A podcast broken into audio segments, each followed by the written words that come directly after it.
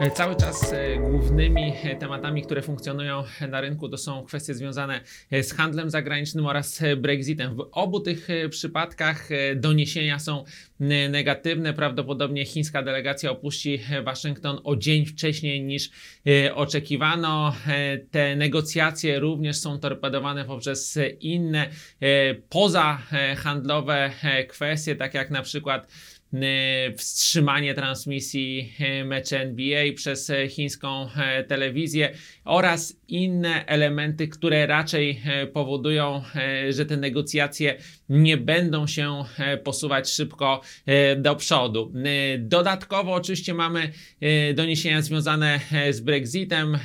Realizuje się ten scenariusz, o którym wielokrotnie mówiliśmy, także ta ostra walka premiera Johnsona o wyjście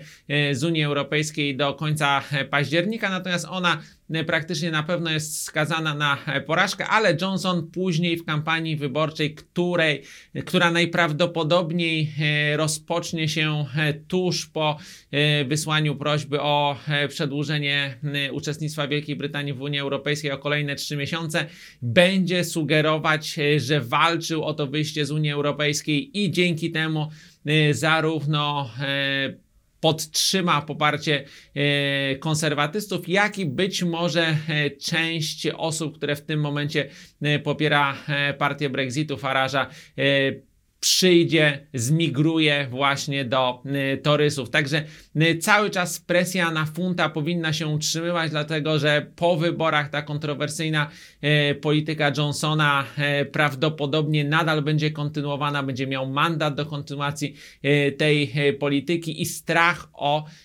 chaotyczne opuszczenie Unii Europejskiej przez Wielką Brytanię pod koniec roku na przełomie 2019-2020 e, prawdopodobnie e, powróci ze zdwojoną siłą, a to może spowodować silne e, spadki e, funta. Jeżeli zaś chodzi o e, sytuację e, na złotym, e, to również można powiedzieć, że realizuje się ten nasz scenariusz bazowy, czyli mniej więcej stabilne notowania złotego. Z jednej strony złotego może nieco osłabiać słaby sentyment globalny, ale z drugiej strony wzmacniać kwestia, że rezerwa federalna raczej będzie obniżać stopy procentowe. Ta decyzja jeszcze nie jest podjęta, ale widać, że rynek tak naprawdę będzie przyzwyczajać Fed y, do tego, y, żeby te stopy procentowe zostały obniżone. Być może jeszcze o y, ćwierć punktu e, procentowego w tym roku, kolejne być może dwie podwyżki y, w pierwszej połowie przyszłego roku, także to powinno z kolei pomagać złotemu, a dzięki temu